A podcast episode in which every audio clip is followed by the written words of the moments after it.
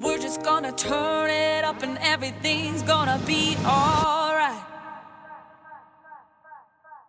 Witajcie na kolejnym live Women Who Influence. Dzisiaj bardzo gorący temat. Porozmawiamy dzisiaj o podwyżkach, o wycenach siebie, o obronie wartości.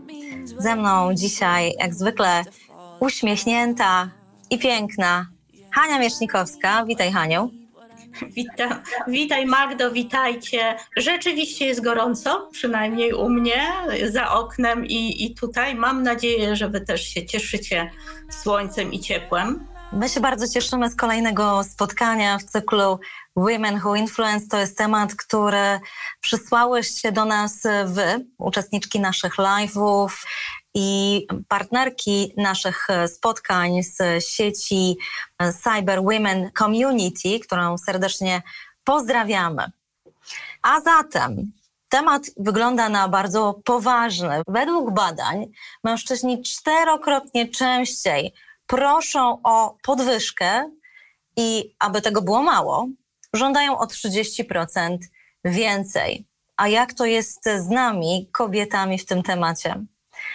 Haniu, czy ty pamiętasz rozmowy o podwyżkach y, i o wynagrodzeniu? Jakie to było dla ciebie doświadczenie? Pamiętam wiele takich rozmów, pamiętam również swoje różne podejście do tych rozmów.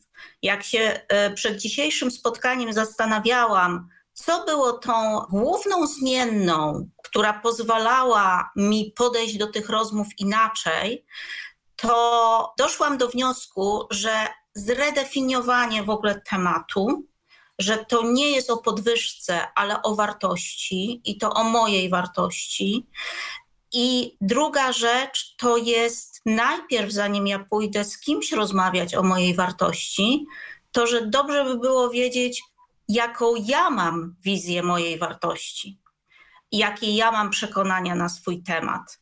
Opowiem historię, oczywiście, gdy to już jest historia sukcesu, no bo dzisiejszy tytuł nasz to jest historia z happy endem, kiedy już inaczej rozmawiałam o swojej, nie podwyżce, tylko o swoim wynagrodzeniu, gdyż to była sytuacja, gdy byłam przyjmowana do nowej pracy i zapytana, ile bym chciała zarabiać, powiedziałam swoją kwotę.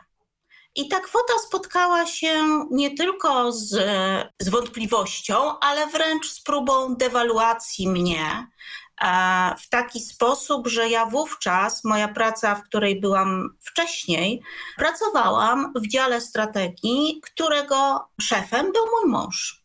A ja pracowałam jako senior strategic planner na takim niezależnym stanowisku, ale jednak w dziale mojego, mojego męża.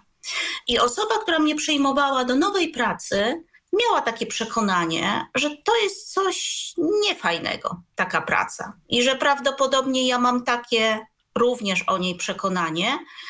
I myśląc, że w ten sposób przekona mnie do swojej propozycji um, wynagrodzenia, zaproponowała znacznie niższą niż ta, którą ja proponowałam. I dlatego, że moje przekonanie na temat tego, czym jest dla mnie praca w dziale mojego męża, było diametralnie inne, dla mnie to była duża wartość z różnych powodów, dlatego powiedziałam: OK, być może w takim razie się nie dogadamy, to znaczy, może nie jest nam po drodze. Taka jest moja wartość, tak ją wyceniam na ten moment i to oferuję. Historia z happy endem, gdyż tą pracę koniec końców dostałam i to na warunkach, jakie powiedziałam, ale jestem absolutnie pewna, że tutaj najważniejsze było to, co ja myślałam o sobie na tej rozmowie. Tak, tak. To rzeczywiście jest e, historia z happy endem i taka pozytywna historia pokazująca, jak ty myślałaś o sobie, jak ty widziałaś siebie, jak ty postrzegałaś siebie. Ja przyglądałam się między innymi badaniom um, Uwierz w siebie. To jest taki raport, który został zrealizowany w zeszłym roku przez NeuroHM, wykorzystując technologię iCode. I jednym z głównych wyzwań, z którymi my kobiety się mierzymy, to jest poczucie braku sprawczości, braku e, pewności siebie, niestety nie mamy w sobie takiej silnej potrzeby pozytywnej autoprezentacji. Kiedy się prezentujemy, bardzo często zaniżamy swoje osiągnięcia, albo my to nazywamy z taką pewną dozą pokory o nich mówimy, żeby nie za bardzo się chwalić, żeby za bardzo się nie eksponować. I niestety często jesteśmy swoimi największymi krytykami, co też przekłada się na to, że nie doceniamy siebie. Ty w, tym, w tej historii, o którą powiedziałaś, miałaś te pozytywne przekonania na temat wartości, którą ty wnosisz i tego, kim ty jesteś w tym dziale strategii. Jak zatem odwrócić to nasze czasem negatywne patrzenie na siebie, bo właśnie mówimy, że od tego się to zaczyna. Bardzo słusznie powiedziałaś o tym krytyku. Ja bym to e, nawet mocniej powiedziała. A nie pozwól, by to twój krytyk negocjował za ciebie. Bardzo często tak się dzieje, że nasz wewnętrzny krytyk, który nam głównie mówi, rzeczy, nomen omen, krytyczne o nas, wskazuje braki, e, mówi, gdzie jeszcze nie jesteśmy dość dobre, gdzie jeszcze nie jesteśmy wystarczające, to on usiłuje przejąć pałeczkę na takich rozmowach albo nawet przedtem, to co powiedziałaś o badaniach, dlaczego kobiety mniej proszą i o mniej proszą. Jestem przekonana, że krytyk tutaj macza w tym swoje e, nie wiem jakie, krytyczne paluszki, mówiąc, tak. że jeszcze nie czas, jeszcze nie dość dużo osiągnęłaś, to jeszcze nie jest mhm. moment, żeby się właśnie wysuwać na czoło. Łącznie z taką podstawowym um, barierą, która nam przeszkadza w, w tej autoprezentacji i w docenianiu samych e, siebie, że czekamy, aż to inni nas docenią. Tak jakby tak. Nasza, um, nasze właśnie przekonanie na nasz temat było mniej ważne, mniej cenne niż to, co myślą o nas inni. I zaczynamy jak zawsze od tego, że sobie to uświadomimy, że łapiemy naszych krytyków na gorącym uczynku, wtedy kiedy nam podpowiadają narrację o, nie, czarno, o niewystarczającą. Tak? Mm. I to oczywiście nie jest łatwe, bo jak się do tego przyzwyczailiśmy i po prostu jest to z automatu, że zawsze po każdym, mm, po każdej prezentacji, po każdym projekcie głównie jesteśmy skoncentrowani na tym, co nam nie wyszło, to tak się nauczyliśmy siebie też widzieć. Więc tak. powoli musimy ten kurs zmieniać, czyli starać się jak najwięcej siebie doceniać, znajdować zawsze coś, za co mogę się docenić, co zrobiłam tym razem lepiej, inaczej, szybciej, e, może bardziej kreatywnie, a może się na coś odważyłam i mi nie wyszło, ale mhm. ważne, że się odważyłam. Mhm.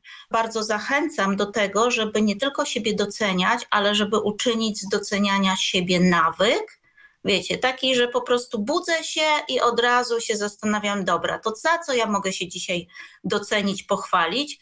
Jak nam to wejdzie w nawyk, łatwiej się uruchomi, zaktywizuje również właśnie na rozmowie o podwyżce. Super jest to rada i muszę przyznać, ja ją wdrożyłam za późno w moim życiu i w związku z tym przez Czyżbym wiele słyszała lat... Magdo krytyka, że za tak. późno?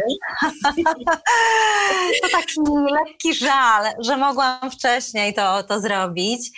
Mm, ja muszę przyznać, i, i, i jak myślę o moich rozmowach o podwyżce, kiedy jeszcze pracowałam dla kogoś, a potem o rozmowach y, związanych z wyceną ofert, które składałam, będąc po prostu konsultantką czy przedsiębiorczynią, to w tym pierwszym etapie nie włączał mi się syndrom krytyka tak bardzo, jak włączał mi się syndrom oszusta. Nazywamy to syndromem imposter syndrom, czy syndrom oszusta.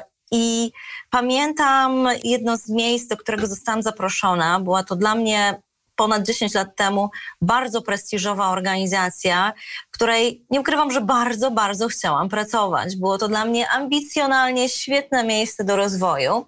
Muszę przyznać, zaakceptowałam pierwszą ofertę. Tak bardzo chciałam realizować się w tej organizacji. Mm, myślę, że ta rozmowa wtedy o, o, o, wynagrodzeniu była czymś, co było na drugim planie, bo widziałam bardzo ciekawe projekty przed sobą.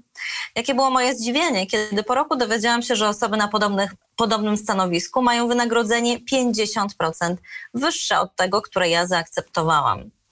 I to był taki sygnał dosyć mocny, że tak, to ma znaczenie nie tylko z takiej perspektywy sprawiedliwości po prostu, że jednak e, są pewne wyceny tej organizacji, ale dla mnie też takiego poczucia mojej takiej zrozumienia mojej wartości. To był ten moment, w którym dużo zaczęłam bardziej przewartościowałam sobie to myślenie o, o proszeniu o odpowiednią wycenę za moją pracę z perspektywy też takiej, jak ja buduję wartość dla kogoś innego. Czyli z jednej strony tak, jestem ekspertką w tym, co robię, i to pytanie, które ja zaczęłam zadawać sobie i innym, tym, z którymi pracowałam w relacji przedsiębiorca, konsultantka, jaką wartość ja generuję dla ciebie? O ile urośnie Twój biznes? O ile poprawi się zaangażowanie Twoich ludzi? Jak zwiększy się pozytywny wizerunek Twojej organizacji? Jak urosną Twoi ludzie? I to bardzo mnie uwolniło od tego, żeby udowadniać moją wartość i zmieniło moją perspektywę na to, jaką wartość generuje Twój biznes dzięki mnie. Bardzo ważne, co mówisz o właśnie o wartości, że to jest cały czas rozmowa o wartości i o wartości mojej, i o wartości, którą jeszcze mogę wnieść do organizacji, albo którą już wniosłam. Że fajnie jest brać te wszystkie perspektywy pod uwagę. Zarówno jaką wartość ja mam jako człowiek, tu na pewno bardzo nasze historie, kim jestem, pomagają, jak również jaką wartość już, jeśli to jest podwyżka, zaoferowałam, zrealizowałam dla firmy. Tu mogą być historie sukcesu, i trzecia perspektywa, czyli w przyszłość, czyli ja, co ja jeszcze mogę dla tej firmy, albo co my razem z tą firmą, mając też pewnie wspólne wartości, możemy jeszcze dokonać, czyli nasze vision stories, czyli coś, co jest e, na przyszłość i myślę, że bardzo często być może możemy wpaść w taką pułapkę, że jeśli to, co powiedziałaś, to jest praca marzeń, że jeśli ja widzę, że tam mogę wiele zrealizować tego, co jest dla mnie ważne poza samym wynagrodzeniem, to mogę pomyśleć, że wynagrodzenie już nie jest takie ważne, no bo firma daje mi, nie wiem, taki zespół ludzi, od których mogę się uczyć, takie okazje do rozwoju, które mogę, mogę wykorzystać, ale warto jest wtedy pamiętać, że dla firmy ja, która tak się angażuje i która mam podobne wartości jak ta firma, jestem też wartością. To jest dwustronna relacja. To nie jest tak, że ktoś mi robi przysługę, że mnie tam zatrudnia, że mi to mhm. wszystko daje. Pracodawca, organizacja, zespół też będą czerpać z mojej wartości. Więc to tak. pamiętanie o tej wzajemności i dwustronności bardzo pomaga przy rozmowach, bo tak. można wręcz wtedy powiedzieć, w taki sposób patrzę na Waszą wizję, na Wasze wartości, z pewnością chcielibyście mieć pracownika zaangażowanego, zmotywowanego, mhm. proaktywnego, takiego, któremu się chce. Taki pracownik siedzi przed Wami i taki pracownik chciałby za tą wartość takie wynagrodzenie. Tak, Haniu, mamy bardzo dużo komentarzy i pytań, które pojawiły się zarówno e, na Facebooku, jak i na LinkedInie i może przejdźmy w tym momencie do odpowiedzenia lub skomentowania lub pokazania e, perspektywy, jaką dzielą się nasi uczestnicy. Um, mamy dużo głosów e, na przykład na Facebooku głos od Marty, która, która pisze: Gorzej, gdy latami jest się koniem pociągowym o wysokiej efektywności, wyższej niż cały zespół, ale oceny są tylko dla zespołu. I to jest niezwykle demotywujące. Tak rzeczywiście jest. Widziałam część badań, które pokazywały, że my jako kobiety, kiedy przychodzi do oceny rocznej lub kiedy ktoś pyta o performance, Mówimy bardzo często z perspektywy zespołu, a mężczyźni bardzo często o osiągnięciach mówią z perspektywy ja. Marta pewnie mówi o szerszym kontekście, o takiej ocenie zewnętrznej działań zespołu. Pytanie, jak wtedy pokazać tą naszą, naszą efektywność i to, co my robimy. I jeszcze dodam, bo podobnie myślę, że też napisała do nas Emilia na LinkedInie, Podchodząc do tematu pozytywnie i stosując tę autoprezentację, niestety często jest to oceniane jako, ale ona jest zarozumiała i wredna. Jak nie wdawać się w porównywanie z mężczyznami? No właśnie, jak się pokazać pozytywnie, pokazać tą pozytywną autoprezentację, wiedząc, że można być odebranym jako ta zarozumiała i nie wchodzić w porównywanie z mężczyznami. Duży temat. Bardzo duży temat. Od razu mi się przypomina Brené Brown, nie wiem, może nie, niektórym znana, która robiła mnóstwo, mnóstwo badań o tym, o wstydzie. Zaczęło się od wstydu, e, bardzo kobiecy temat też.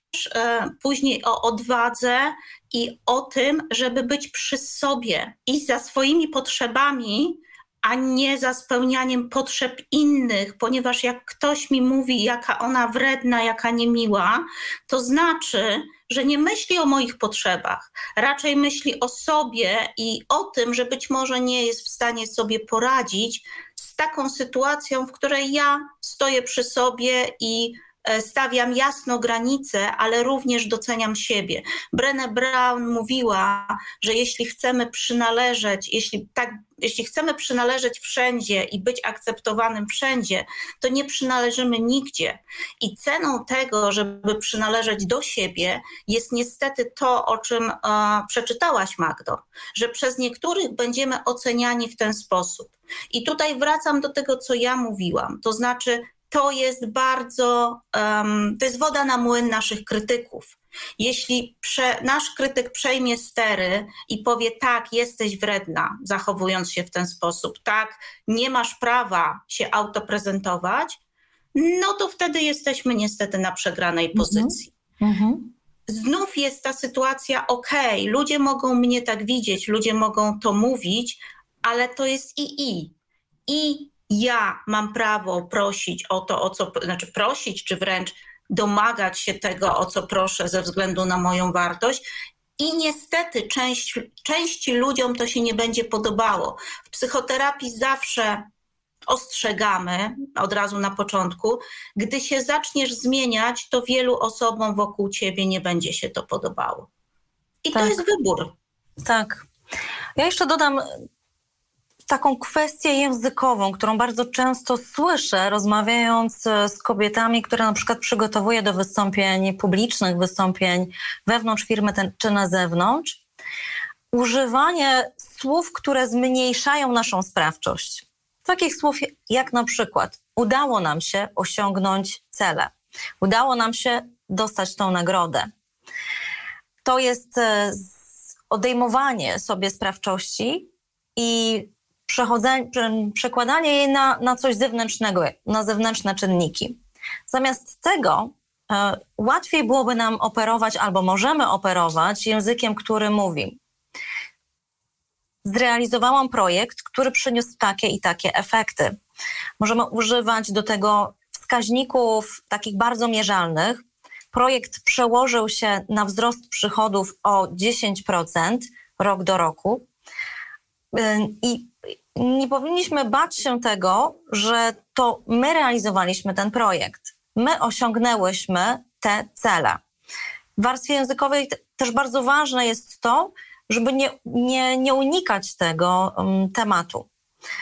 Historie, które my w ramach naszych warsztatów ćwiczymy i promujemy, to są na przykład historie sukcesu osób, którym my pomogliśmy.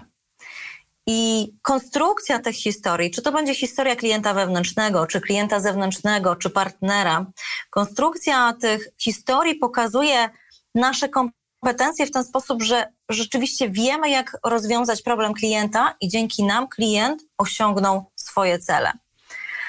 Hmm, myślę, ja że trzeba dobrze się przygotować właśnie do takich spotkań.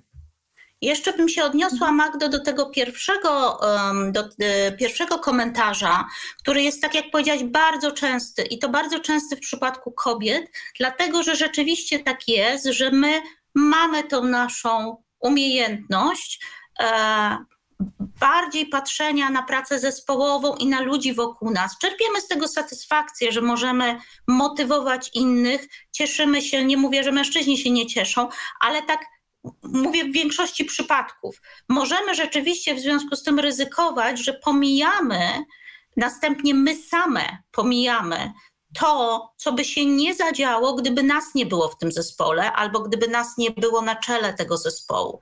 I znowu moja ulubiona zasada II to nie jest albo albo. To nie jest albo zespół, albo ja. To jest i zespół, i ja.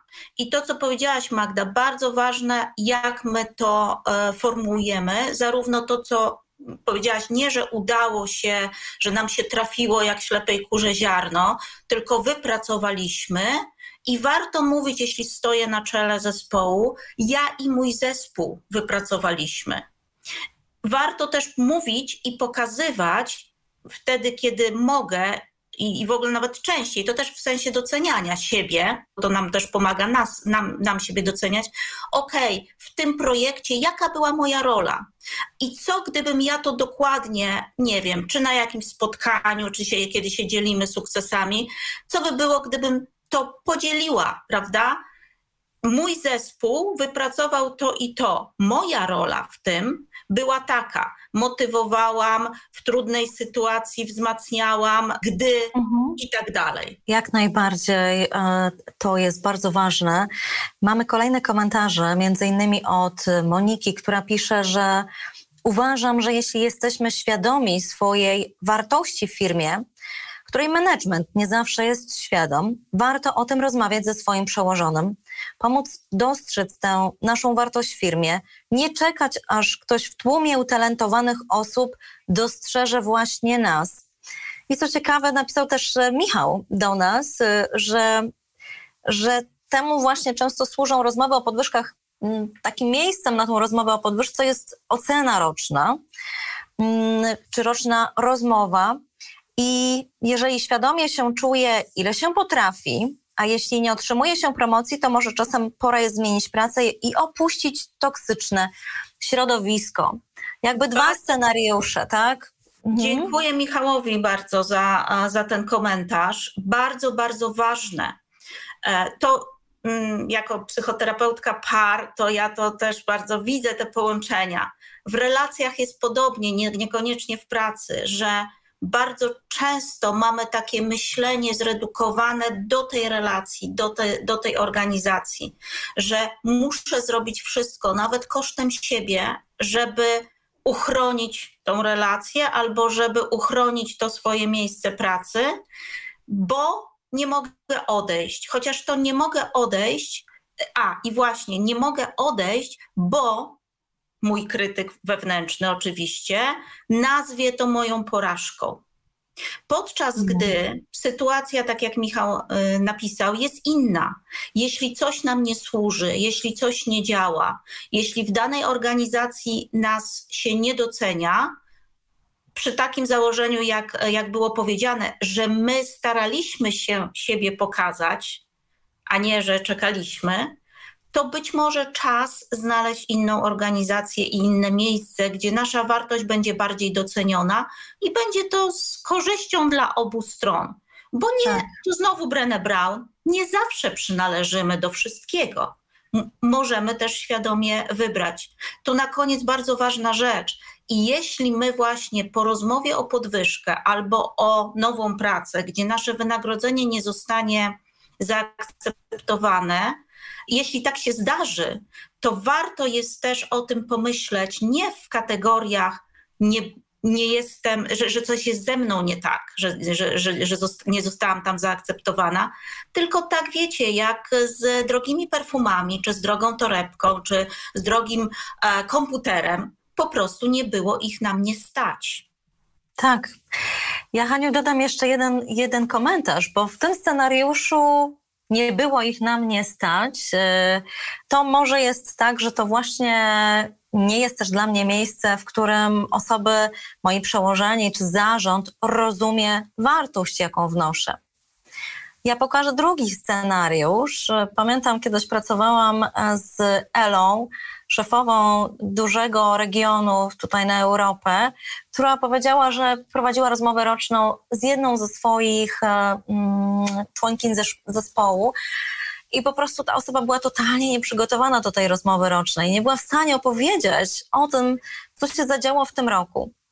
I myślę, że to jest też dla nas taka lekcja do odrobienia, żeby z jednej strony umieć, mówiąc kolokwialnie, sprzedać się na takiej rozmowie, ale ja bym tutaj wykorzystała też mechanizmy z, z, takiej sprzedaży doradczej, sprzedaży B2B, w której nie tylko chwalimy się naszymi osiągnięciami i sukcesami, ale przyjmujemy perspektywę drugiej strony.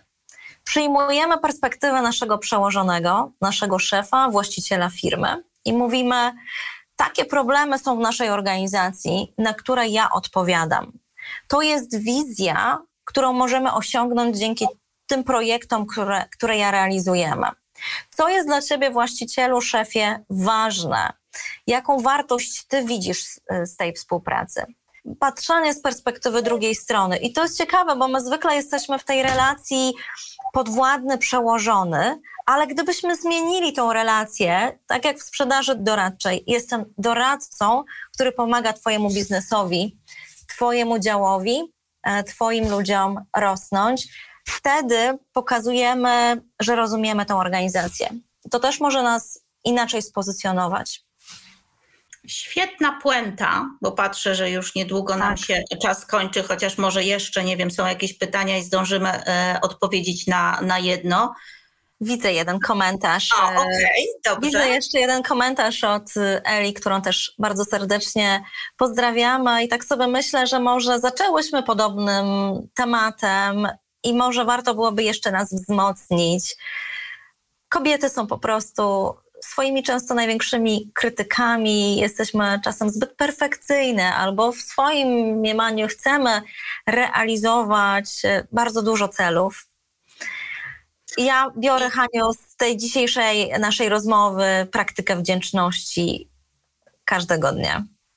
Zdecydowanie, a ja jeszcze takie przesłanie do nas wszystkich. Do siebie też to kieruję, ponieważ organ nieużywany zanika, więc to nie jest tylko wystarczy wiedzieć, że tak należy robić. Jeszcze trzeba to praktykować i sobie powtarzać i przypominać. Kobiety, jesteśmy cenne, a nie za drogie. Dokładnie tak. Jesteśmy najważniejszą wartością i bardzo, bardzo cenną. Bardzo Ci, Haniu, dziękuję za dzisiejsze spotkanie.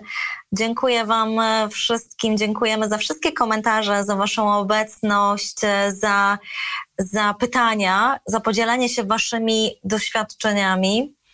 Będziemy z pewnością kontynuować e, te nasze spotkania, więc zapraszamy do tego, żeby zgłaszać kolejne tematy, które Was intrygują, ciekawią, o których chcecie porozmawiać w cyklu Women Who Influence. A ja dodam, że nasze rozmowy z Hanią już od dzisiaj są dostępne na platformach podcastowych. Zatem te osoby, które nie są w stanie uczestniczyć z nami na żywo we wtorki o 8.30 rano, mogą wracać do tych rozmów i do inspiracji w każdym momencie, w każdym miejscu na platformach podcastowych. Do tego Was zapraszamy. Zapraszamy, widzimy się za dwa tygodnie, słuchamy się, mam nadzieję, częściej. Życzę Wam bardzo dobrego, pięknego dnia, pełnego przekonania o swojej własnej wartości.